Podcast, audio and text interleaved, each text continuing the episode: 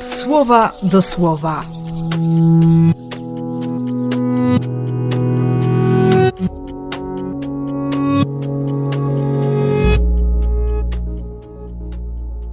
Drugi marca, sobota.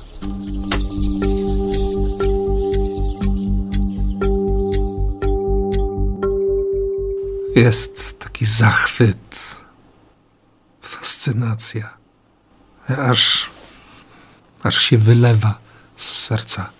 Który Bóg podobny Tobie? Oddalasz nieprawość, odpuszczasz występek, nie żywisz gniewu, upodobałeś miłosierdzie, ulitujesz się, zetrzesz nieprawości, wrzucisz w głębie morza wszystkie grzechy, wszystkie.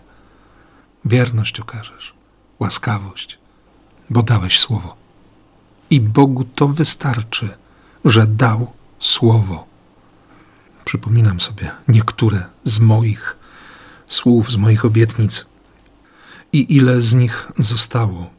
I nawet nie chodzi o ich realizację, tylko fakt, że stały się shadows and dust, cień, pył, piach, proch.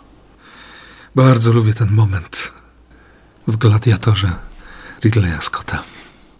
I jednocześnie wiem, że, że Bóg słowa dotrzyma, że nie będzie rozliczał ze słabości, że nie będzie wypominał grzechu, że nie przyczepi się do mojej niewierności i w końcu odwróci się napięcie i, i rzuci takie lodowate, bezlitosne już dość. Wystarczy. Nie.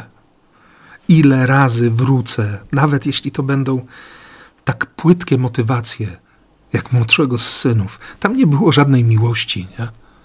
Był głód, była chłodna kalkulacja. Najemnicy u mojego ojca mają się lepiej niż ja. Więc wrócę.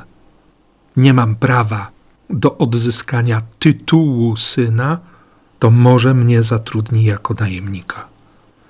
A odpowiedź ojca? Najlepsza szata. Ta pierwsza, wyjątkowa, pierścień na rękę. To dziedzic jest. Sandały na nogi, bo on, to moje dziecko, ma doświadczyć zbawienia, bo zostało odnalezione, zostało przywrócone życiu. I tak, ten starszy też, też potrzebuje być odnaleziony. On też musi się przekonać, że, że życie jest w Ojcu.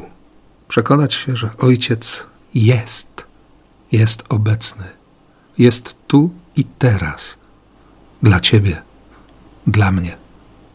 Życzę Ci tego przekonania.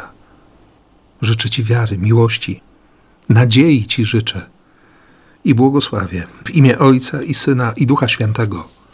Amen.